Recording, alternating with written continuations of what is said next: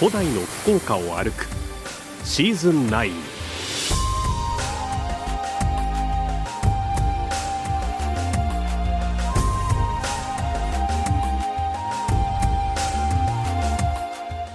遥かな昔海の道からそして陸路を通じて福岡にはさまざまな文化が入ってきました。その足跡を訪ねる古代の福岡を歩くシーズン9この番組は宮間市の企画協賛餃子の山八道の駅宗像の提供でお送りいたします。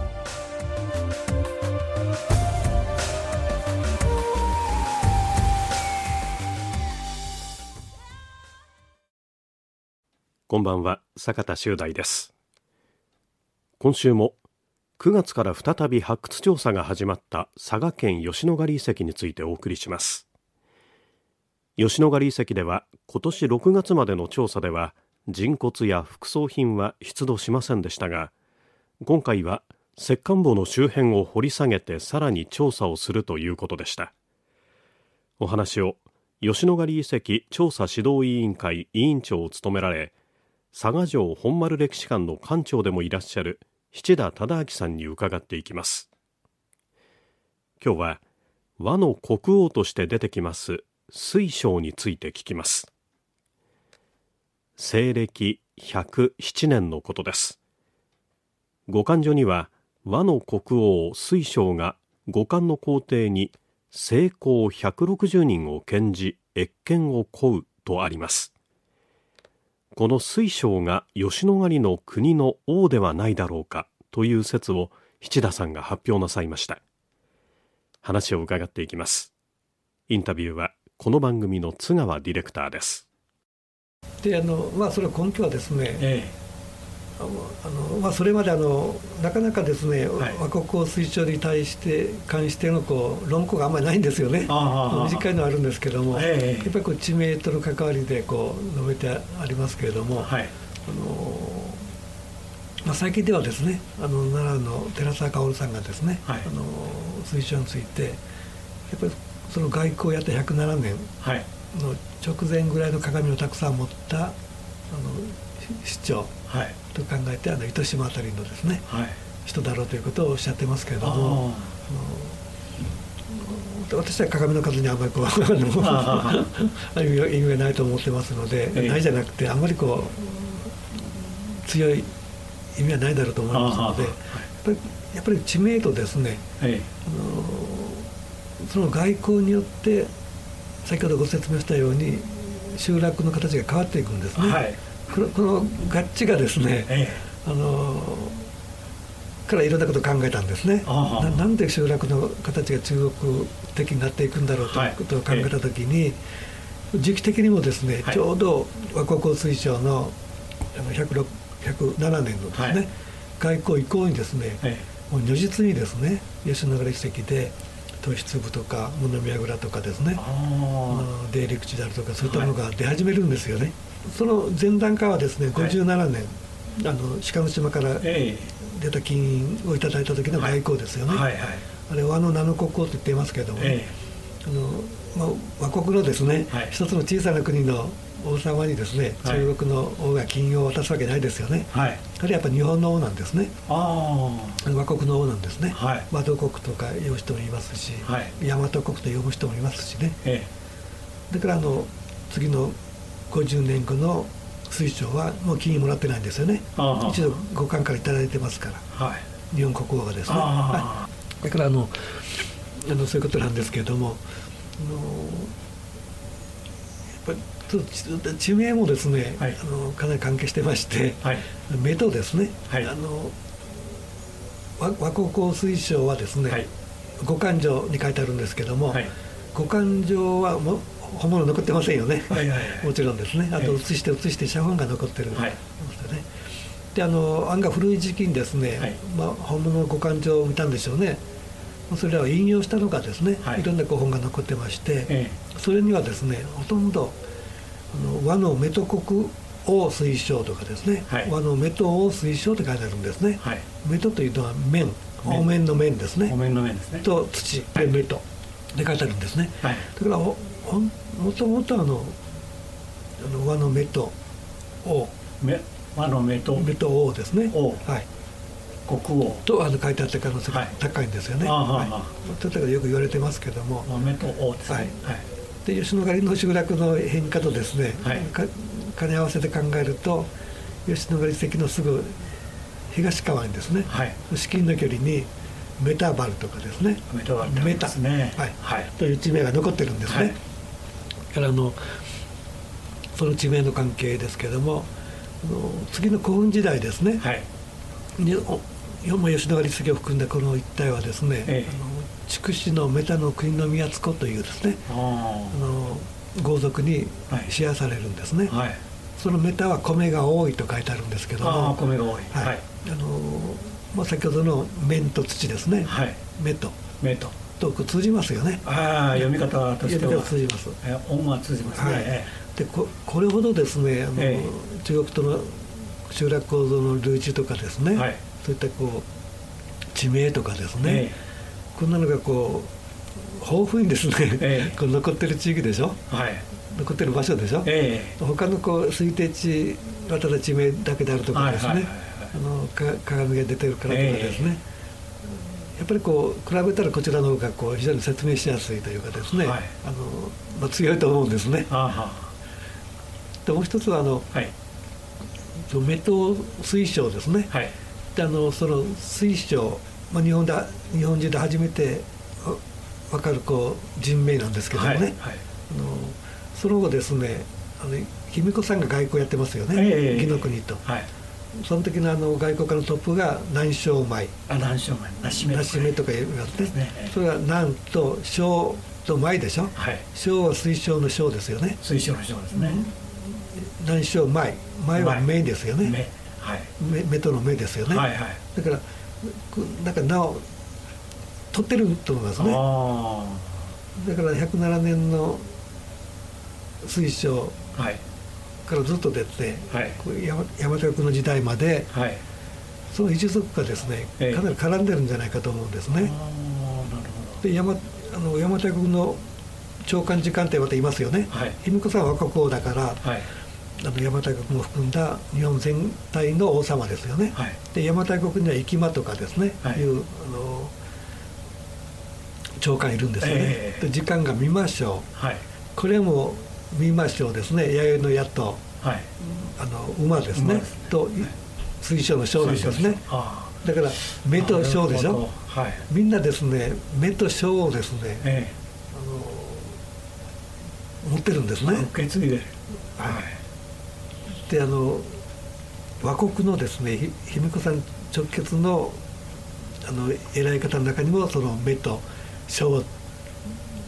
名を付けた人がいるんですよね。そうですか。だから私は一連一連のものとしてですね、えー、つながってるんじゃないかという感じがするんですね。あの地域だけでこうなんかそこら辺のこう人がですねこう浮かんでくるというかですね、えーまあ現在でもありますもんね、はい、名前をねそう代々受け継いでいらっしゃるところもありますよね、はい。はい、えー、そういう名前から言ってもこの和目と国王水晶というのが吉野ヶ里の王様だろうということですね。はい、でそれからあのこの水晶さんは、こちらへ戻ってくる時に、はい、おそらくあの銅鏡とかですね鏡とかですね、はい、それから剣とか、はい、そういうものを持って帰ってると思うんですよね。戻ってきてますよね。でそれは大体このどっからかを発掘できたはい、あの五感。まあ、あの107年ですからね、はい、あのまあ、五冠時代にもう十分入ってますから、はい、多分いただいてくるとすれば五冠時代の五冠時代の鏡鏡でしょうね、まあ、全般のですね。あの古い、はい、どちらかというと古いタイプのですね、鏡になると思うんですけどもそれも九州でもうあちらこちらから出てますよね、はいはい、たくさん出てますから、この遺跡からということはなかなか難しいんですけどもね。やっぱり吉野ヶ里近辺はい近辺あるんですか、吉野ヶ里遺跡近辺からもですね、はい、あのたくさんの遺跡があって中でもですね、はい、あの上峰と町と吉野ヶ里町にまたがる二塚山遺跡二塚山遺跡。とかですね、はい、吉野ヶ里町のですね吉野ヶ里遺跡のすぐ北側にですね、はい、三中田遺跡というのがありまして、はいどちらからもですね、まあ、数枚のですね中国の大きな鏡がですね、はい、出てるんですよね、えー、だからそこら辺はあの私はもう結論的に言うと吉野ヶ里の王様をこう輩出したんですね、はい、あの集団の墓地だろうと思ってるんですね、はい、だからそこら辺のどなたかがですね、はい、あの倭国を推奨だった可能性も十分考えられると思います。あの吉野ヶ里近辺のその市長ですか、はい、これやっぱりあのあちこちにこう次はこの辺だというふうに、転々とするというふうに。そうそうですね。あのこう鏡のですね、はい、こう新旧関係ありますよね、はい、であの古いものから新しいものへのずっと変化を見ると、ええ、あちらこちらのこう集落で動くんですね。動くんですか、はい、あの二月甘い関が一番今のところ古いんですけれども、え、あの全館の大きな鏡を持ってるんですね、はい、でそれから次は吉野ヶ里遺跡に近い近いといっても3キロぐらい来たんですけれどもね、はい、三永田遺跡に来て、はい、またあの4キロぐらい東の二月甘い関に戻ってですね、はい、その次は二月甘い関のすぐ北の松葉遺跡とかですね、はい、あちらこちらでこう大きな鏡が出てくるんですよね。だから私はもう吉野ヶ里遺跡の王様というのはこう地域国ですね、はい、吉野ヶ里の国。すなわちこう地域社会範囲の広いですね、はい、地域社会の中の有力者がですね、はい、皆に壊れて、こう大いなって吉野ヶ里で赴任をしてきて、国を運営するというようなですね、はいはい、あの仕組みが出来上がってるんじゃないかと思うんですね。これ共立です。恵美子さんはあの協力されましたよね。そうですね。あの収ま地域収まるようにですね。えー、まあそういった仕組みがどうも出来上がってるんじゃないかと思います。はあはあ、はい。それでその王様があまあ役目を終え、はい、あるいは亡くなって、はい、自分のところに戻るという。はい、家族のもとにですね。はい。はい。と思います。同族のところへ戻って、はい、そこであの埋葬される。埋葬あの権力の象徴であった鏡とかですね、はい、武器を備えてですね、はい、はい、やっぱりあのその主張は鏡というのは一つなんですか？それとも複数あるとね。あの吉野ヶ里だけではなくてですね、はい、あの佐賀県とか大体筑紫平野ですね、はい、あの瀬織から南の方はもう一人一枚なんですね。一枚、はい、で吉野ヶ里周辺にもたくさんそういった墓地があるんですけども、はいもういくら掘っても一人一枚なんですね。あそうなんですか。で私は大学時代からあの先輩たちからですね、えー、あの福岡の先輩から「お前のとこは鏡が一枚だからなんかあの、まあ、貧困だな」というような感じをですね 言われてたんですけどもね。あの悶々としてたんですけれども。あのただですね、はい、中国のあの特に五官のですね、はい、あの高官高い身分の役人とかの武漢をですね、はい、あの収めた落葉商工官墓というのがあるんですね、はい、集団墓地です、はい、そこのあの古墳を見ていますと一人埋葬の分をですね抜き出して見てみると、まあ、36年ぐらいあったんですけどね、まあ、ほとんどが一人一枚なんですね鏡は。そうなんですか、だから僕らあの義の国を三国のですね、ええ、あの義士和人での義の国を作った曹操ですよね、はいはい、墓が見つかりましたよね、えー、あれはあの鉄の鏡1枚ですよね。ああそうですね、はい、だからあちらこちらの応募級のお墓からはですねやっぱり1枚なんですね基本的に。か小さいのを含んだ2枚とかですね、はい、だからあの鏡の服装というのは中国の文化圏では1枚が基本なんですね、ただ日本の高学者は鏡が大好きなんで たくさん持っている方はもう王様の中の王様だということを言われますよね。だからその中国のあり方と、はい、そのギャップがですねななんてだろうと思うんですよね。あなるほど、はい、じゃあ基本的には大体1枚が中国の文化ですよね、ね、文化ですね。ただあの宝物をたくさん持った人についてですね、ええ、義手和人の中に一つは書いてあるんですね。これ日本の長官とか王様のことじゃなくてですね、ええ、中国と外交やりますよね、はい、その時はまじない所に乗っけていくんですね。船に。これはもう重要な役割でしてね、はい、もう何災難に遭わないようにですね、はいはい、でその外交が成功して帰ってきたら皆でですね、はい、王様派遣をした王様たちで宝物をたくさん与えるって書いてあるんですよね、はいはい、あのだから中国の記録に日本人で宝物をたくさん与えられたという人はですね、はい、その実際と呼ばれるですね、はい、人物しかいないんですね。日本の王様がたくさんいいものを持ってるとかどこにも書いてないんですよね。だからあの何とか中国のとの外交の成果がですね、はい、中国の文献に残ってますからね、はい、数人は成功してますよね、はい、その数人いたその実際というわけですね、あのまじないをやる方、ええ、この方がどっかに埋まってるわけですよね、はいはいはい、それはもたくさんの宝物いただいてますから、はい、あのそういったこともですねちょっと考えあの頭の隅っこにはですね、はい、置いとかなきゃいけないなと思ってるんですね。あの日中外交ですね、はい、あの記録に残っただけでもあの57年ですよね、はい、もうそれまでも何度か言ってますけども、えー、57年107年、はい、239年の卑弥呼ですね、はいはい、で卑弥呼あと2回あその次の僧正伊予もですね、はい、あの外交やってますから、えー、まあ、その間にあのあのいろんなですね文物の一気とともに、はい、その実際成功してますからね、はいはい、何人か実際がいてもらってるんですよね。宝物をたくさん、はい。はい、王様たちから、えー、日本の。だからそういったことを考えなきゃいけないなと思ってます。それからですね水晶が行った時に、はい。えー、成功160人連れて行ったっていうのがありますね、はい。はい、この成功は単なる奴隷で考えていいんですか？あのまあ、今まではずっと奴隷と言われてましたよね、はい、あるいは技術者とか言われてましたけども、えーまあ、あの奴隷とか技術者というとですね、はい、中国はもう内乱とか戦争たくさんやってますよね、えー、もう溢れてますよね、はい、あのわざわざですね、はい、日本からこう連れていく意味はないですよね。そうですよね、えー、であのまあ、それを特会議がですね、あの全勘定ですね勘定の中に、あの落老会中和人ありって書いてありますよね、あの高校でも習いますけれどもその前にですねあのまあ、儒教の講師がですね、はい、あの中国では道徳がなくななくなってきたからそれを守ってる9位、はい、まあ、日本も含んでますけども中国の東の方の地域にですね池田に乗っていきたいそこに住みたいと言ったんですよね。ということがあの論文でも残っています。それがあの漢字地理史の中にそれが書いてあって「ゆやらんや」って書いてあるんですね。それにはどういった意味があるんだろうか。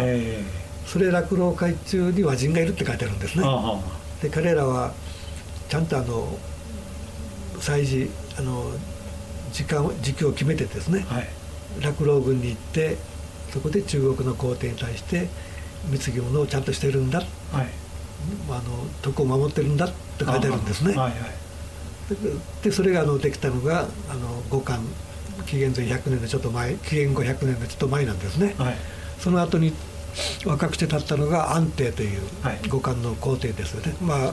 あ子供さんなんですね、はい、若い。だから若い人はあの徳を持ってませんよねあんまりね、はい、で中国の皇帝は徳を持つことが一番大事なことでそれを親民にこう授ける。というのが一番の仕事なんですね、はい、だからあの私は若いですね皇帝がですね、はい。まあ、周囲の人を含んでその感情ができできましたからね、はい、みんな酔いますよね、えー、その中にこう講師がですねあの日本人は徳を守ってる、はい、ということ書いてありますのでね、はい、これはその道徳徳をですね、はい、あの自分も欲しいと思思ってですね日本の王様に所望したんだろうと思うんですね、い、きなりこう出てきますよね、えー、成功がですね、はい、こういったことはあの京都大学のですね、はい、あの岡村さんがですね、はい、先生がおっしゃってます。まあ、まあ、彼だけなんですけどもね私はもう非常にいい考えでしてね本当にいい考えだなと思っています。でなきゃあの日本からですね人間がを持っていく意味がないですよね。まあ、要するに徳を持っている人物、たちをですね。連れていったと、はい、と思います。だからまあまあこう階層のいいですね、はい、あの人々でしょうね。で卑弥呼さんも最初は10人ですね、はい、2回目があの人数変えてません、はい、医療も30人ですね、はい、そうやってもう数百人のですね、はい、人がこの九州北部からですね、はい、あの連れて行かれてるんですよね。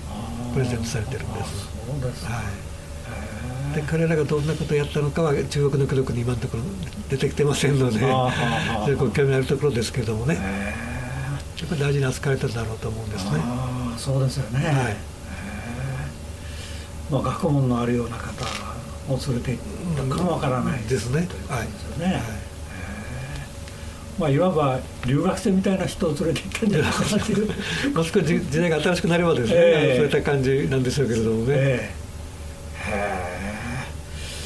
ー、まあ、僕なんか成功と成功イコール奴隷というふうにして考えたら僕もそう習いましたんでね。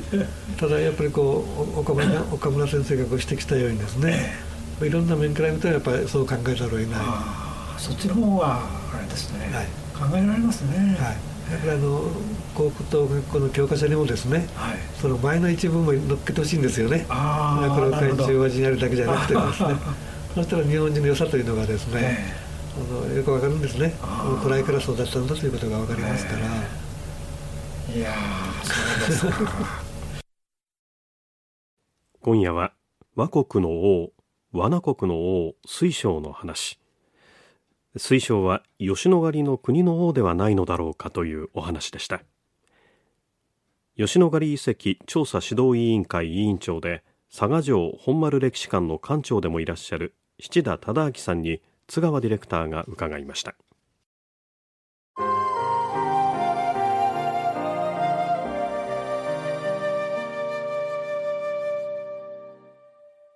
ここで古代の福岡を歩くリポーターの中島理恵さんです。こんばんは。こんばんは。今日はスイーツのお話です。スイーツですか。吉野ヶ里遺跡にちなんだネーミングのデザートを作ってる店があるんです。あの、まあ、吉野ヶ里歴史公園最寄り駅、JR の吉野ヶ里駅から歩いて5分くらいのところにあります、うん、巻窯ピッツァフェリーチェというお店なんですピザ屋さんですね。そうなんですよ。作ってるのが、物見櫓のタルト。高さがありそうなタルトですね。その通り写真持ってきましたけどね、20センチぐらいの高さで作ってるんです。あ、なんかあの本当に縦にこんもりと。そうなんです。ね、でもあのカラフルですね。そうです。私行った時9月の末だったんですけど、ちょうどね、えっ、ー、とシャインマスカットのモノミヤグラのタルトが出てたので頼んでみたんです。えー、一番下が薄いタルト生地で、はい、中ほどがねこれほぼ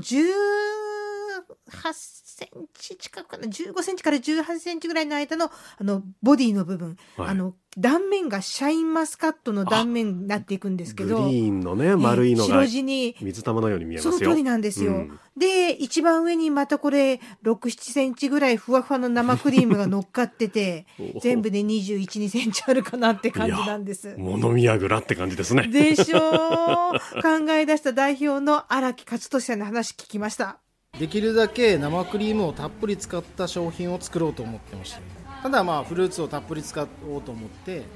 確かにでもあの物見やぐらっぽいですよね。いや物見やぐらです。こう縦に崩しながら食べるのが楽しそうですね。そうなんですよ。で、あの面白いのがですね、真ん中部分のシャインマスカットが入ってるところ、このシャインマスカットの周りはでババロア、あの杏仁チーズババロアでシャインマスカットをまとめてる感じなんです。で空間はそれなんですけど、まあピザ屋ですからチーズちょっと使いたくってっておっしゃるんですけどね。いろんな季節の果物で作ってらしてて一番最初はバナナからスタートしたんですって、はい、あのバナナを丸太に見せかけてこう組んでいって、積んでいって、はい、その作ったのが一番最初のモノミヤグラだったそうですか。その時はね、まあ、今もそれ定番であるんですけど生チョコでバナナの空間を埋めていく感じなんですよね。うんうん他にもいちごでしょ？マンゴーでしょ？あとあのさつまいもも作ったことがあるらしくピザ屋さん釜でピザ焼くんで同じ釜でさつまいも焼いて、うん、その元の甘さを出しといてそれをベースにしてやぐらにします。で今後はですね、まあ、季節柄あと柿とかね、うん、あのリンゴ焼きリンゴにして焼きリンゴはプリン味と混ぜていくんですよね。って嬉しそうに話してたんですよね。まあどうやって積んでいくのか考えるのもなかなか大変そうなんですがこの秋以降はこんなメニューも考えてるみたいなんです。土器にちなんだ中にこうピザがピザ生地を焼いてですね、まあ、器のような感じにしてまだ新しく作ろうと思ってますドキピザ教えてもらってもいいですか？ドキピザ。ドキピザはもうピザうちあのナポリピザの店なんですけどもそれをこう、えーと、器のような形で焼くんですけども。そうですそうです、焼き方はちょっとまあ企業秘密なんですけど、まあ、それで窯で焼いてそこの中にこうなんか例えばビーフシチューだったりにそこにチーズ入れたりですね、まあ、生地を割ってそれでつけて食べてもらうような感じで今考えてます。ほう平たいピザじゃないわけですねそうなんですよ多分ピザ生地でドキっぽく巻くとかなりリアルな感じになるんじゃないかとワクワクするんですけどね。ねさらにせっかくなんでドキパフェも作ろうかなと思ってます。いろいろ考えてらっしゃるんですよね。であのお隣の町で育ったという荒木さんなんですけど子供の頃はその遺跡が今みたいに公園化されてなかったんで近くで遊んだ記憶もありますし常にね物見櫓見えるのでっていうふうにおっしゃるんですがでも実は歴史は別に好きではないと おっしゃるんですよ。はい、これだけがっつりね。そうそうそう浸っておきながら。ええー、どんな気持ちでこの吉野ヶ里遺跡を見てらっしゃるのかちょっと聞いてみました。今度またいろいろ発掘されてない場所もあるんで発掘されたらもっと面白い街になるのかなと思います。はい。若い人たちでもそのやっぱ発掘どうなるかなっていう。そうですね。やっぱり気にはなりますね、はい、なので僕もそれが出たらまた商品どんどんそれにちなんで出していくような感じですね。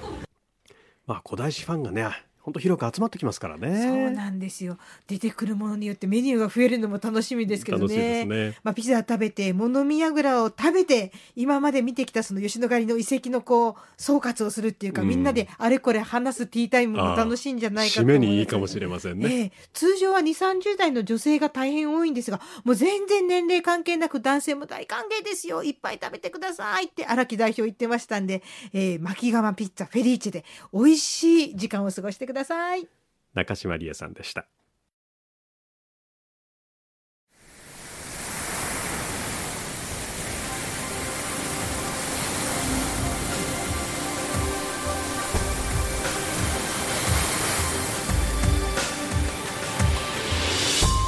番組からのお知らせです。ホームページのご案内です。これまでの放送内容と番組を1回目からじっくり楽しむことができます。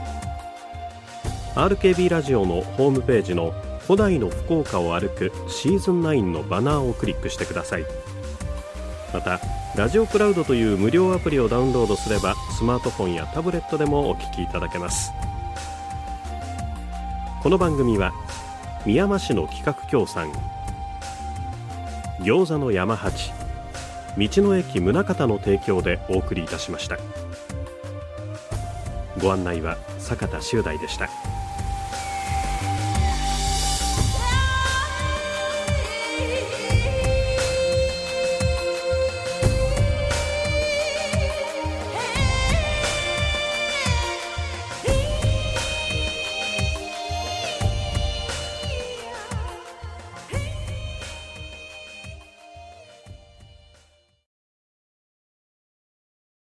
ここで Google ポッドキャストをご利用の方へお知らせです。Google ポッドキャストは2024年6月23日をもってサービスを終了します。